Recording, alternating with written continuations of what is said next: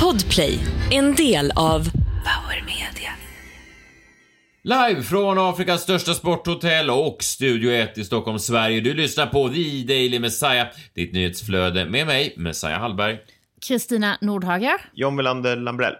Jag vet inte om ni såg den eh, bilden som alla pratade om förra veckan. Det är många som har skickat den också till vårt Instagramkonto att The Daily Messiah och sagt att den här borde ni göra någonting på. Det här skulle ni på er redaktion kunna göra någonting roligt av. Eh, jag vet inte om ni har sett den John och Kristina, den här bilden då på entreprenören Alexander Perleros när han är ledsen på Instagram. Just tror det. ingen i Sverige har missat den. Nej, ja, jag har ju sett den också. Jag hade ju tänkt ta upp den, men det fanns ju någonting som diskvalificerade den från att man skulle kunna göra någonting roligt på den för att Ja, bilden är på honom, det är närbild, det är en selfie, han är jätteledsen och man, man dras ju direkt till det. Man tänker gud, vad är det som har hänt? Eh, och sen berättar han då eh, om en dröm han har haft. Och sen i slutet av inlägget, det är ju det som förstör allting egentligen då. Det är ju att han säger att han då har gett, eh, skänkt pengar till eh, behövande i Ukraina. Det var väl rätt mycket pengar också, var det inte det? Jo, precis. Det var, det var ännu dummare. Eller dummare, det var ju bra för dem i Ukraina, men det var 100 000 kronor och då är det så svårt att skoja om det, för man skulle kunna. Man hade kunnat göra någonting roligt av det, eh, så att säga. För han berättar då en... Han skriver en text, först ser han ledsen ut på bilden och så säger han jag drömde en mardröm. Och sen har han då en sån gråt-emoji, en sån tår som faller så att det är väldigt... Man verkligen förstår att... Ja, det är en bild precis över i och för sig så att det blir väldigt... Är det den som rinner från båda? Nej, det är en, en den som bara En- rinner från en ena. stor tår. Ja, men det är ändå... Ja. Den är väldigt nära den stora bilden på honom. Ja, absolut. Den är lite Den är övertydlig. bättre. Ja, fast man behöver inte båda tycker jag. Men, ja, han drömmer då, han berättar att han, jag var en soldat från Ukraina. Jag antar att han direkt rapporterar från sin egen dröm. Han har precis vaknat upp. Alltså om Oj. man bara målar upp ett skede här så har han väl antagligen vaknat upp så man kan göra en mardröm. Eh, och sen blivit så berörd då av sin egen dröm och börjat gråta. Mm. För man gråter ju inte i drömmen, det tror jag ingen människa någonsin har gjort. Alltså man, man hulkar ju inte i en dröm, utan den måste ju komma när man först vaknar. Och, ja, Och han är inte glad då att drömmen inte var sann? nej, Utan- nej, nej. utan Han är han, är han är rörd det sorgsna i drömmen. Han var en soldat från Ukraina, drömmer han. Jag satt uppe på ett tak med mitt gevär, för där sitter de ju då, de här skyttarna. Eh, Min motivation i stunden var att vara en av de som får slut på lidandet, att göra en skillnad för världen, att göra en skillnad för kommande generationer. Det var väl lite det han kände även när han startade den här mobiljämförelseappen som han blev, ja, tjänade sina miljoner på, kan jag tänka mig. Som han sålde Ja, till. Schibsted som sen la ner den efter nio månader. Ja, det är väl ändå drömmen att komma på en, en idé som verkligen då eh, visar sig vara helt verkningslös, men de har ju redan fått sina pengar, så man kan, jag tror inte man kan kräva tillbaka, man kan inte komma med kvittot va? Nej, jag tror inte det. Om det var hans förra dröm, då blev ju den sann. Så det är kanske därför han Ja. börjar gråta åt den här drömmen, att den också kanske är sann. Ja, ja, jag vet Så tänkte jag med. Ja. Att han tror att han sanndrömmer.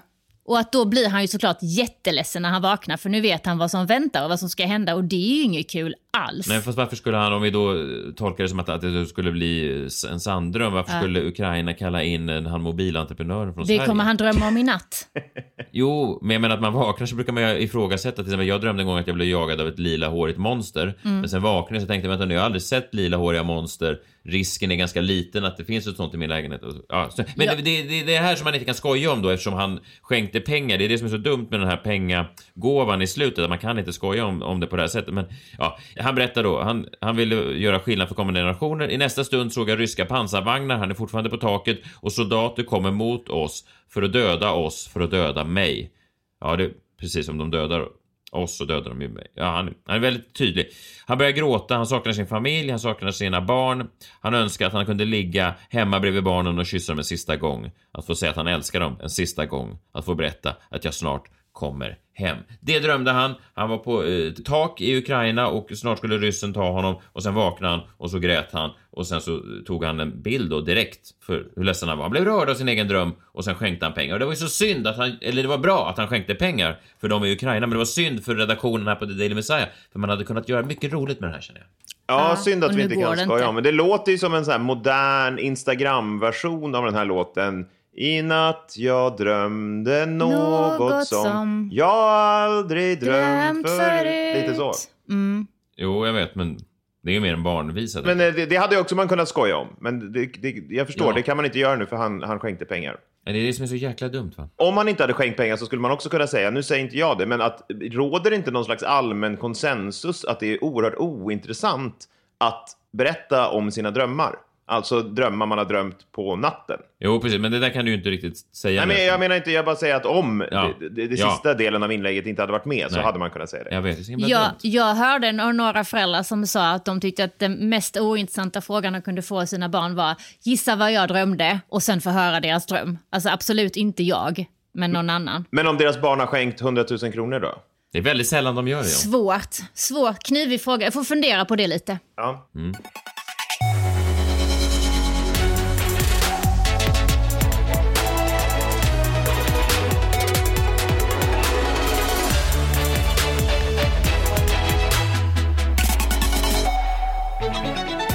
Välkomna hit, det är måndag, ny vecka. John, jag vet inte om du har hört det här, vi befinner oss ju i, eh, ja, på resande fot, jag och Kristina. På en annan kontinent. Även det har varit svårt att missa. Man Ja, får kontakt med er bara stundtals per dygn. Eh, jag vet liksom inte, ni kommer med så många frågor så här. Åh, vi kommer inte åt det här, kan du hjälpa oss? Vi har inga, ingen vatten, ingen el, ingen mat. Eh, kan du ordna med det här? Och sen så får man bara eh, en gång per dag, man hör inte från er, det är radiotystnad under liksom ett dygn och sen kommer det liksom en batch av information under en timme där det är frågor och kan du hjälpa med det här och så och sen försvinner ni ett dygn igen. Ja, men vet du vad det är? befinner er på rymdstationen någonting. Nej, det, jag önskar ju Jo. att man kunde säga, ja jag vet, men jag önskar i dessa tider att man kunde säga att man var ute på fältet och gjorde någonting mer verkningsfullt liksom. Vi är ju bara då i en egyptisk semesterby, men jag har kommit på en sak om Egypten då den här tiden jag har varit här och det är att, att wifi är ingenting som de prioriterade när de byggde det här landet. Och, och det kan man ju säga vad man vill om och jag förstår att man, man vi ska inte gå in på det här med jag ska ta upp det i någon kommande Messiahs minut just kring det här begreppet som nästan har blivit vedertaget nu, war shaming, att många säger Ja, hur kan du klaga på det här nu i dessa tider? Eh, du kunde ju vara i fronten så att säga, vid, vid krigsfronten. Det, det, tänk på dem istället. Eller du borde väl egentligen fokusera på att göra som Pärleros och skänka pengar, inte sitta och klaga på wifi. Men anledningen till att du då får en batch av frågor med viss tid, det är att egyptierna de börjar ringa tydligen något väldigt enormt runt femsnåret och då är liksom wifi då är det utslaget för flera timmar framöver. Det är också då alla duschar, så då finns det knappt något vatten. Det påverkar inte Ni menar att det som, på, som kanske nyårsafton var, som är knappt är det ens längre, att det kan vara svårt att komma fram på mobilnätet Ja. i tolvslaget? Ja, så är det. Exakt, fast här är nyårsafton varje dag. Wow, Från vilken fem fest. till nio. fast utan fest. Är det deras slogan? Egypten, som nyårsafton varje dag? Och så tänker man wow, fest varje dag. Och så är det bara att man inte kan ringa. Ja, men, ja, exakt. Festen består av att en massa egyptier är upptagna med att ringa hem och säga att de snart är hemma, antar jag. Det låter inte som någon fest. Nej, det är ju en tråkig fest. Jag sitter frustrerad, men det är därför du får en batch av frågor då och då, för det är då jag till slut kommer igenom med mina olika sådana WhatsApp-meddelanden. Men det är bra att du är alert i alla fall, John. Ja, eh, absolut. Det är, man vet att här kommer en kravspes. Ja, tack för hjälpen med elen igår. Har inga problem. Nej, det var, vi hade lite av en skandal här och eh, det har vi även i dagens Messiahs minut. Ah.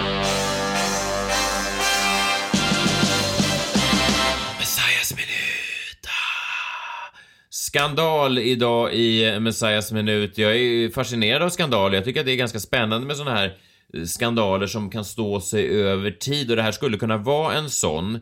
Man skulle kunna hävda också att, att konspirationsteorier är en del, ja alltså att det är inne och nosa på det. Alltså vem sköt Kennedy, vem sköt Palme, hur sjönk Estonia, var det liksom en skandal i bakgrunden som mörklade någonting, fanns det, fanns det en skandal? Men det jag tänkte fokusera mer på är, är en annan typ av skandaler kanske, mer domarskandaler, när saker blir bortdömda, när de rättmätiga vinnarna så att säga inte Eh, blir vinnare utan att någonting annat står i vägen för dem. En sån klassisk domarskandal som i alla fall Tyskland har hävdat i, i många år sedan 1966. Det var VM-finalen då i fotboll för herrar mellan England och Tyskland när England tog sitt enda VM-guld. Jeff Hurst sköt bollen, det vinnande målet eh, mot Tyskland i finalen. Bollen studsade precis innanför mållinjen. Det var i alla fall så domaren dömde det. England vann matchen. Tyskarna har då i alla år hävdat att den var inte alls över mållinjen. Eh, men sen visade det BBC 50 år senare, de gjorde någon sån modern utredning med någon målkamera och, och liksom räknade ut att ja, bollen var troligtvis inne. Så att England rättmätiga segrare då, men Tyskland hävdar domarskandal. Sen eftersom ödet ofta då spelar folk spratt 44 år senare, VM igen, fotboll herrar, slutspelsmatch England-Tyskland, då är rollerna ombytta. Eh, kommer ni ihåg eh, det här? Milner, Defoe, that's a lovely touch! Lampard! Brilliant! It was in now! That surely crossed the line! It's not been given! It's big! Here we go. Oh, oh. It's, so far in. Was it FIFA don't want? Technology. Thanks very much, Set Blatter. England have been use this. Well, I hope he's here, I hope he's squirming in his seat, by the way. Look at that. He knew he was in. We knew it was in. Mm. Frank Lampard uh, skjuter bollen, uh, den studsar i ribban och sen en bra bit innanför mållinjen ser man på reprisen. Men målet döms bort i ett viktigt läge i matchen. Det hade inneburit 2-2 i matchen. Nu blev det då inget mål, sen gjorde Tyskland 3-4, gick vidare. Men eh, ja, domarskandal. Jag såg en intervju med Lampard bara eh, för någon vecka sedan och han sa att han har fortfarande ångest så fort han tänker på det här och trots att det var 12 år sedan. Ja, och jag förstår honom. Vet du vad? Jag förstår Frank Lampard, för sånt där kan ju sätta spår i män. Och, och det är det jag är rädd? Ja, ja, och kvinnor också, men jag råkar ju vara en man, hävdar vissa. Och eh, det är det som har hänt mig då, en, en domarskandal av liknande mått. Eller ni kan få vara domare. Jag är livrädd nu för vad du kommer berätta. Jo, jag tänkte ta upp en incident som hände då i det här frågeprogrammet som är med i Alla mot alla som går på kanal 5. Väldigt roligt program måste jag säga. Filip och Fredrik är programledare. Jag måste säga redan nu att det är troligtvis den roligaste tv-produktion jag varit med i. Frågorna är briljanta ofta, de är duktiga, väldigt trevlig partner som är med Ebba Witt-Brattström. Vi har väldigt kul. En match gick då i förra veckan. Vi mötte Annika Lantz och eh, Joar Bendelulj. Nästan. Johar Bendjelloul heter han. Precis, Joar Bendelulj. Ja. Bendjelloul. Ja, Det låter som en rolig Ja, det är tv-produktion. min kompis. Ja, ja, ja men det, ni Från känner. Ängelholm. Han, ja, Nej, han precis. också. Mm. Han är, ju- de är ju smarta. De vann över oss. Det är egentligen ingen... eh, Ja, det är inget mer med det. Det är ett smart eh, team och så vidare. Jag har eh, köpt det, jag har släppt det, jag har gått vidare. Men så blev jag kontaktad av en man på den sociala medieplattformen Twitter som skrev till mig. Hörru du, eh, Messiah, den här domarskandalen som du utsattes för i förra veckan. Har du tänkt något mer på den? Och, och jag sa, berätta mer, mystiska man. Och då tog han upp en viss fråga vid ett visst ögonblick i programmet där jag, ska det visa sig, blev brutalt bortdömd. Vi kan eh, lyssna hur det lät. En eh, fråga kvar. Den lyder, hur länge stod Martin Melin på plankan i Robinsonfinalen 1997? Vi börjar då med Messiah och Ebba igen. Ja, jag höll ju på Kent Larsen i den finalen. Du gjorde det? Ja, jag, min pappa var ju lite äldre så jag var den enda då i min ålderskategori som sympatiserade med den här äldre buttra mannen. Men hur länge stod han på plankan? Det är, det är, det är, det är tre timmar. Okej. Vill du lägga till, bara, vill du lägga till ett minutantal där också? Tre timmar och en minut. Tre tim. En. Joar och Annika. Solen kan ju liksom inte gå ner. Eh, Nej, det var min impuls först. Ja. Men Då blir det jättetråkigt tv. Ni gissar. ska vi säga fem timmar? Fem. Tack. Vi går in till Ulf Schäl, som kanske minns den här finalen. Vilken var, du, lät, du lät ung när du Ja, men sa jag, det. Det var jag, inte jag blev Ulf vitaliserad av Ja. Ulf, sannerligen. Vad säger du? Jag såg finalen, men tyvärr så har jag glömt hur länge han stod. Ja. Men eh, vi säger sex timmar och 14 minuter. Sex timmar, 14 minuter. Det var det svaret vi fick av Ulf. Vi fick fem timmar från er, vi fick tre timmar och en minut. Eh, det är bra att ha med sig Ulf Schäl. Alltid. Eh, Ulf var närmast, ni hade fått poängen ändå. Men det rätta svaret var sju timmar och två minuter. Poäng till Joar och Annika som nu leder med 11-7. Stort tack till Ulf Schäl, flygingenjör! Ja, där hörde ni eh, sju timmar, två minuter. Martin Melin stod på plankan i den första Robinson-finalen. Eh, åh, vad spännande det var. Jag minns det som igår. Jag var 13 år och det var det bästa tv-program jag någonsin hade sett. Så jag blev lite förvånad. Jag tänkte att jag borde egentligen känt till det här. Jag borde ha vetat det här. För jag mindes vem Martin Melin stod mot. Han stod mot Ola Melén på den där plankan. Kent Larsen hade trillat ut tidigare, han var den äldre mannen. Och då var det Ola och Martin, två yngre män som då gjorde upp och till slut föll då Ola. Eh, men sju timmar, två minuter. Wow, tänkte jag, vad länge. Vad konstigt att jag var så fel, att jag var fyra timmar fel. Men det är här det då blir skandalöst. Det är här det då visar sig vara en rejäl jävla domarskandal. Okej, är ni med nu? Vi är med. Ja, Klart vi är med. får se om du har bevisen framför dig. Mm. Jag är ju gammal krimreporter ska man säga. Jag har ju jobbat på Efterlyst. Jag har ju gjort många eh, reportage genom åren om, om ganska grova brott och, och då använde jag ofta min, eh, min goda näsa. Alltså jag kunde nosa mig till misstänksamhet och jag kunde försöka lägga korten på bordet och framförallt så ville jag åt sanningen, John. Sanningen.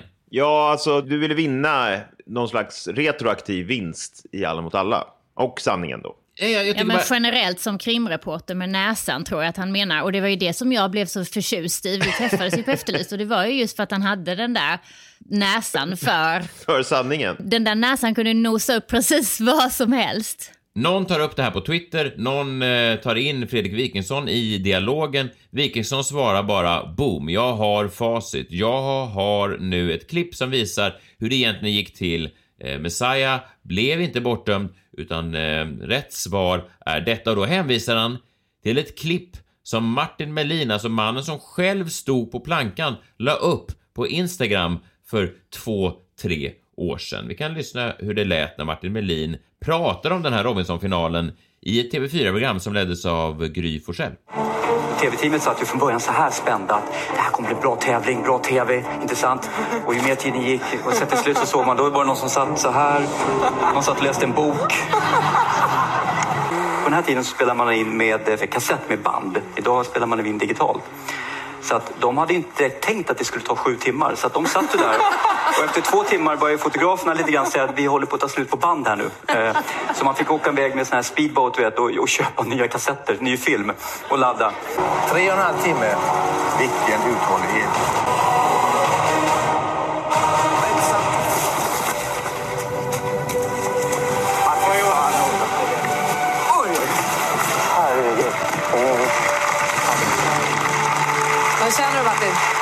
Men alltså... Du ser lite tagen ja, ut Ja, alltså där är först, när jag står på den här plankan, det är första gången som jag tänker att står jag bara längre än den här killen före mig nu, då vinner jag. Ja, han förklarar att han förstår reglerna. Men grattis Martin Melin. Sju timmar, två minuter. Han blir också, nu är det här inte bildsatt eh, eftersom det här är ljudinspelning, men han blir ju då, som Gry Forssell säger, tagen när de klipper tillbaka till studion. Han har fått se filmen att det är sju timmar, två minuter, så kan Martin fortfarande, trots att det är då 20-25 år senare, så blir han fortfarande tagen av sin insats. Sju timmar på plankan. Well done, Mr Melin. Well done. Jag blir imponerad. Om det är sju timmar och tre minuter, då är jag imponerad. Ja, ja men vad spännande. Coolt, sju timmar. Mm. Men det är här mystiken tätnar. Och för att låna ett begrepp som jag vet att du är förtjust i, John. Det är någonting som inte stämmer här. Uh, gåshud. Fick du gåshud? Ja, jag fick gåshud direkt. Det är min favoritmening av av alla meningar. Det är Jag vet. något som inte... Ja, du har mig. Du har mig intresserad. Men John, det är någonting som inte stämmer här. Oh, oh, oh, oh. Ja, jag köper din teori. Jag har inte ens lagt fram det. Jag vet Nej, men det-. Spelar ingen roll, spelar ingen Inledningen roll. är så stark. Du har honom. Ja, det är en stark inledning, jag håller med. Ja, i alla fall, sju timmar, två minuter. Intressant. Och då tänker man, det är lite fascinerande att de då går till mannen som själv stod på plankan för facit. För att det skulle ju kunna hävdas att han har ju då ett intresse, ett egenintresse i det här. Vill inte Martin Melin egentligen hävda att den här bedriften var mycket mer imponerande än vad den egentligen var? Skulle man inte kunna hävda att det borde finnas andra vittnen som bättre skulle kunna vittna om hur länge han stod på plankan? För Martin Melins egen utsaga kan ju vara påverkad av hans villighet att framstå som en Iron Man, en hjälte. Man frågar ju inte Stalin om hur det gick till när kommunismen föll. Det kan ju finnas andra människor som kan vittna som inte så att säga är själva påverkade av historiens gång. Skulle du ljuga om hur länge du har stått på plankan, John? Nej, men däremot så tror jag att alltså, det här är ju 25 år sedan, så jag tänker ändå att så här, ju mer en lögn upprepas, desto mer sann Ja. blir den ju. Så jag, jag tror inte att Martin Melin inte tror att han stod på den i, sju timmar, om nu Messiah ska hävda någonting annat. Vi kan väl titta på bevisen då, för jag kontaktades sen av en man som jag mötte upp som gav mig i handen en gammal VHS-kassett. Ni minns dem? De är svarta. Det satt en vit etikett på ena långsidan. Där stod det med svart tuschskrift Robinson-finalen 1997. Jag rockar fortfarande en VHS. Jag stoppar in den här kassetten. Jag mötte den här mannen, man kan säga att jag mötte honom i en gränd. Han hade en, en hatt, mörka solglasögon, en rock och så sa han bara ta en titt på den här. Eh, Jag satte in Robinson-finalen. Jag spolade fram till plankan och det här var det jag mötte. Det är nu över tre och en halv timme sedan vi inledde, inledde den här övningen då Ola och Martin klev upp på Spången som då var mycket bredare och du var med första timmen ungefär Kent. Tre och en halv timme. Vilken uthållighet. Duktigt. Och en smula balans har naturligtvis krävts för att hålla sig kvar så här länge. Kastvindarna ställer till en del problem. Det är inte sant. Jesus. Ah, fy fan Ola, det vet. Tre och en halv timme. Från originalinspelningen av Robinson-finalen. Och då har vi ju två versioner här. Segraren skriver historien brukar man ju ofta säga. Vi har Martin Melins utsaga att han stod i sju timmar och två minuter. Men då är ju frågan, varför skulle SVT i sin första Robinson-final någonsin dra ner, och inte bara dra ner utan halvera tiden som vinnaren stod på plankan. Vad skulle Sveriges Television tjäna på att berätta en historia där någon stod på plankan hälften så länge som han egentligen gjorde? Vet du vad? Det är någonting som inte stämmer här.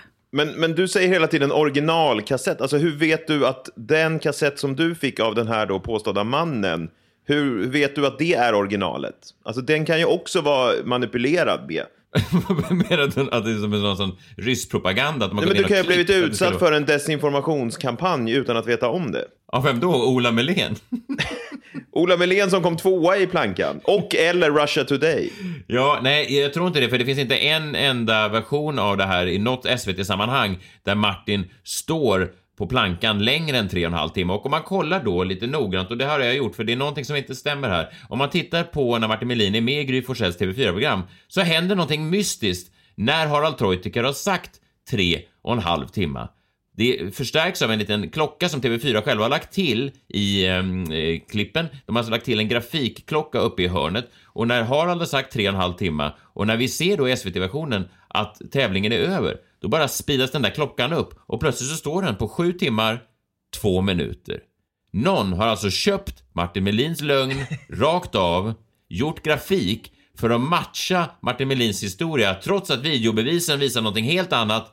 Och vad händer då? Jo, då står jag där i en frågesport några år senare och svarar nästan spot on. Jag svarade alltså 3 timmar, en minut. Han stod 3.30. Det är 29 minuter ifrån. Jag borde fått poängen, jag hade fått medvind i tävlingen. Eh, istället så kunde Annika Lantz och Joar Bendelulj Eh, Precis som Tyskland när de gjorde 3-1 och 4-1 mot England så kunde då Annika och Joar bara segla iväg och vinna tävlingen. Men det här ska inte få fortgå. Det här är någonting som jag har eh, snokat reda på och det här är någonting som jag förväntar mig få en guldspade för när det är dags längre fram på hösten. Det ska bli intressant att se vad du får för reaktioner på det här. Jag menar, Martin Melin kommer ju fortsätta hävda att han stod sju timmar. Annars är ju hela hans liv en lögn. Vet du vad John? Alltså, Läckberg hade ju inte gift sig med honom om han hade bara stått i tre timmar.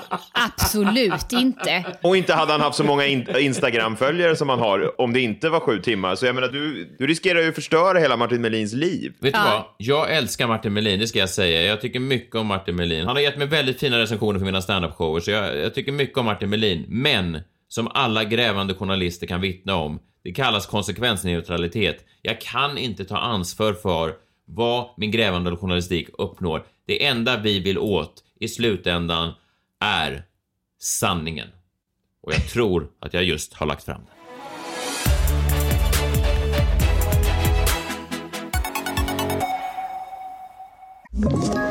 Ett poddtips från Podplay. I fallen jag aldrig glömmer djupdyker Hasse Aro i arbetet bakom några av Sveriges mest uppseendeväckande brottsutredningar. Går vi in med hemlig telefonavlyssning och, och då upplever vi att vi får en total förändring av hans beteende. Vad är det som händer nu? Vem är det som läcker? Och så säger han att jag är kriminell, jag har varit kriminell i hela mitt liv men att mörda ett barn, där går min gräns. Nya säsongen av Fallen jag aldrig glömmer på Podplay.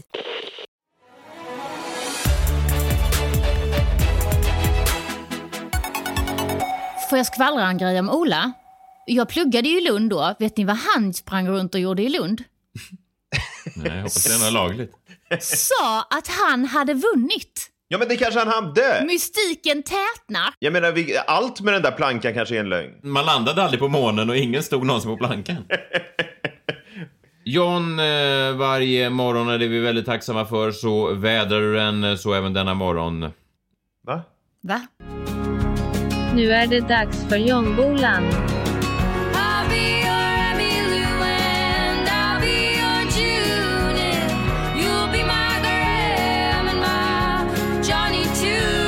Nu är det dags för Jonbolan. Du drar en lapp ur din eh, jombola, din tombola-liknande konstruktion och på lappen så står det någonting och då måste du snabbt hitta på eh, någonting att prata om på det ämnet. Vad står det på lappen du drar fram idag? Det står en till skandal. Eh, du, du pratade ju om en, ja men vi får väl ändå säga en eventuell skandal. Alldeles nyss. Ja, precis, men den är ju fortfarande eventuell. Men här det är ytterligare en skandal som jag faktiskt kommer på nu när det står så på lappen från eh, Melodifestivalens semifinal i lördags. Såg ni den? Har ni tillgång till Nej, vad kul. Vi SVT? såg inte den. Vi missade den. Jag förstår. Eh, ni missade inte så mycket kan jag säga. Det var ganska eh, dåligt och tråkigt som hela det här melloåret har varit. Men något som var i alla fall lite intressant var att det dök upp en ny humortrio. Humortrion Örjan, Bosse och Mange från Örnsköldsvik. Har ni hört talas om dem? Nej, jag, ah, jag ska inte baktala några som jag inte vet vilka de är, men det, jag, jag kan ju bara se en trend att det, ganska, det går ganska snabbt att etablera sig som humorstjärnskott eller humortrios eller något sånt där. Det, det, det finns ju så många kanaler va, idag att, att nå ut på. Det finns Ja, ju... på tal om det så kan jag säga att eh, de gör stor succé på TikTok tydligen. Ja, ja nej, men det är jag inte med. Det är ju mycket, mycket kvalitativ eh, underhållning som har kommit därifrån, verkligen. Det är ju, ja, det är ju framtiden va. Kul. Många grupper, då är det viktigt att man har ett catchy namn som fastnar. Ja, och det har ju verkligen Örjan, Bosse och Mange från Örnsköldsvik. Eh, Jag tror inte att det är deras riktiga namn, utan det är nog då tre karaktärer som de här tre killarna spelar då. Gruppen var med som en mellanakt eh, då i lördags, ett uppdrag som de sett mycket fram emot kunde man läsa sig till innan. Vi kan väl lyssna bara lite hur deras medverkan lät, för er som inte har hört det. Melodifestivalens turné skulle egentligen varit i Örnsköldsvik nu och tre stycken som hade biljetter. Det var Örjan, Bosse och Mange. Killar, kom hit! Killar, stör inte Arvingarna. Kom hit, kom, kom. Ja, ja, okej gubbar. Ja, ja. Kör termissen. Ja. Ja, ja, ja. Fin gosse där. Ja, men alltså, det funkar jättebra att ni är med mig idag. Det är jätteroligt. Men ni får inte störa någon, ni får inte prata med någon, ni får inte trycka på några knappar. Varför det? Nu ska vi lära känna Det är folk. så många knappar. Ja, det är ju knappar överallt. Ja, men vad, Klart man vill trycka. vad pratar ni om? Örnsköldsvik. Ja, okej. Men eh, eh, prata inte med någon. Det blir ju b- bara jättejobbigt. Men vad är det för sätt? Otrevligt. Otrevligt. Ja. Över till dig, Oskar. Ja. Jo, men, jo de, inte längre. Nej, nej, nej. Ja, ja, men man är för Ursäkta, gammal för att köra ursäkta. skoter. Vem, eh, ja. vem gav er mikrofonerna? Ja, men vi hittade dem vid fikabordet. Där, där borta. Ja. Ja, fikabordet. Jag, jag tar den. Eh, kolla, Arvingarna! Tokerier liksom. Arvingarna? Kom Lisa. Kom här istället.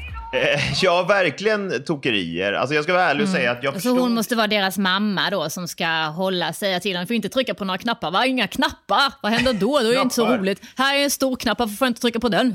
Ja, precis. Det verkade som att det gick ut på lite grann att Mellons programledare skulle vara irriterade för att den här humorgruppen var med och bad dem hela tiden att gå ur bild då och säga där borta är Arvingarna och så sprang de efter dem. Och jag ska vara ärlig och säga att jag förstod liksom inte så mycket av det här. Nej, men det kan väl ibland vara så att, att, att det inte är så att säga för dig och mig och, och, och dig Kristina att, att, att förstå, utan det kanske är en ja, jag vet inte, du vet, de talar ungdomens språk. De kanske tycker det är kul med, med knapptryckningar. Vad vet jag? Ja, det Får jag kanske. fråga en annan sak bara?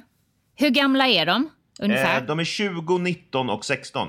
Okej, ja. Och jag tänkte också att kanske är det så här eh, ungdomens språk låter, det låter i och för sig lite märkligt. Eh, det låter misstänkt likt gammelspråk. Men eh, efter att programmet var slut eh, så fick jag faktiskt vatten på min kvarn att det var faktiskt inte det här som var menat skulle hända. Det var inte så att jag hade missuppfattat ungdomens språk, utan det var tydligen så att melloproduktionen hade satt käppar i hjulet för humortrions medverkan. Så det hade liksom inte blivit som planerat. Vi kan väl lyssna på en intervju med den här humortrion då när de är ur karaktär direkt efter Mello. Hur gick det där? Vi är inte, så nöjda. Nej, lite besviken. Varför då? För att eh, vi, det var mycket som hände. Mycket som scratchades på oss. Vi hade gjort en ganska bra planering som vi tyckte om väldigt och mycket. får de ju oss och det är guldchansen. Och så levererar de inte. Och då blir vi missnöjda. Exakt. Vi hade, vi hade planerat ihop allting, vi hade som gjort klart allt vi skulle göra och sen typ kanske en timme innan eller någon, så ändrade de alltihop. Och det blir så kort varsel så det blev inte, det blev inte alls bra. Nej, det blev inte alls bra, säger de här. Eh, så de verkar ju själva väldigt missnöjda och de skyller ju alltså på melloproduktionen. De hade planerat upp alltihopa och en timme innan så sa produktionen till dem att de, att de måste ändra. Så- Med kort varsel. Ja, och då börjar man få lite mer sympati för dem. Att säga, aha, de kanske hade något, något stort roligt planerat som sen eh, inte blev av då. Och jag hade ju liksom inte hört talas om den här humortrion innan, men ju mer den här intervjun efteråt fortlöper, desto mer så tänker jag, fan, Det verkar verkligen som att man kanske har missat något här och då börjar jag istället bli irriterad på melloproduktionen som inte gav den här humorgruppen mer tid. För vi kan väl lyssna då när killarna förklarar vad vi tittare gått miste om. Vi är inte alls nöjda. Vi är inte nöjda, för vi, våran humor, om vi fick bestämma, hade vi, vi hade chockat hela Sverige. Och vi har fått rätt stor respons av våra fans också Ja, de och var de var väldigt missnöjda. Många skriver att de ville ha mer minuter med oss. De tittar på Mello bara för att vi skulle vara med. Och så är vi med i... Inte... Men ni skulle fått mer tid. Jajamän. Då hade vi, och vi hade, om vi hade fått det som vi ville hade jag lovat er att det hade varit stor skillnad. Det var det som var planerat. Vi skulle få mer tid. Och om man kollar på vår TikTok då ser man ju vår riktiga humor. Om man jämför det med Mello.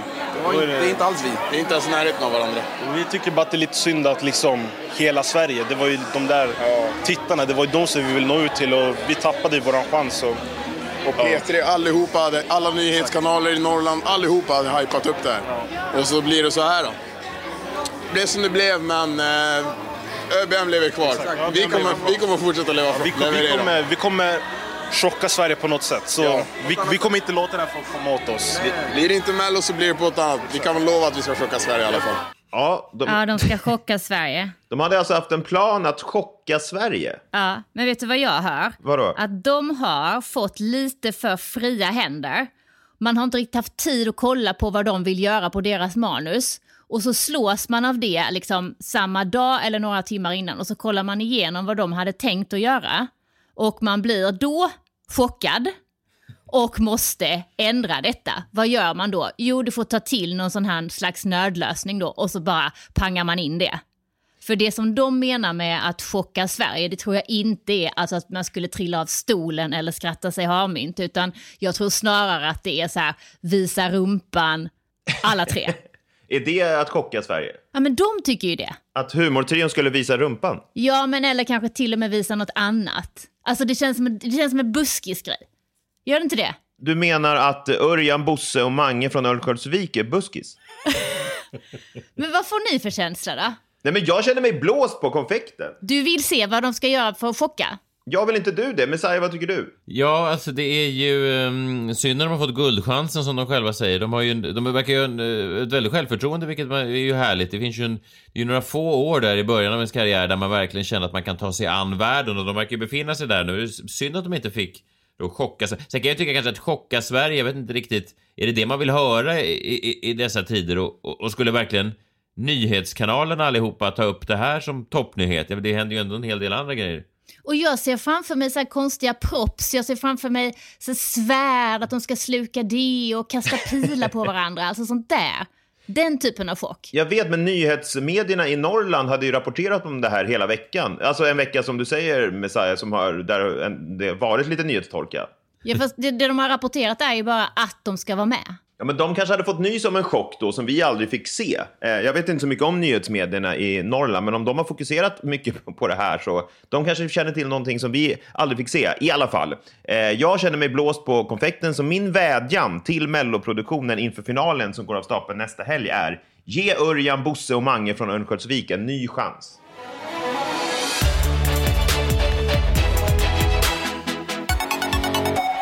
Bra, vi tackar för oss idag. Jag vet inte om du har hört det John, vi är ju på uh, resande fot, jag Kristina. Eh, ja, det har inte frångått mig. Nej, eh, sp- spännande va. Det är ju, hur är vädret där hemma i Sverige? Inte bra. Ja, det, här är det ri- riktigt bra. Eh, det kan jag säga. Mer eh, spännande från eh, världen. Eh, ja, du är ju eh, då i Sverige. Det är ju också ett viktigt perspektiv såklart. Men här ut, från världsperspektivet, det får du härifrån. Det blir en härlig smältdegel. Vi hörs imorgon. Då är det tisdag. Nu ska jag gå och ta lite hummus. De är otroligt förtjusta i hummus här i, i Egypten. Afrika. Vi hörs imorgon, Jan. ja, det gör vi. Ha det så fint. Vi hörs imorgon John. Hej, hej och tack för att ni har lyssnat. Eh, vi, vi hörs eh, imorgon tisdag. Hej, hej! Hej då! Hej!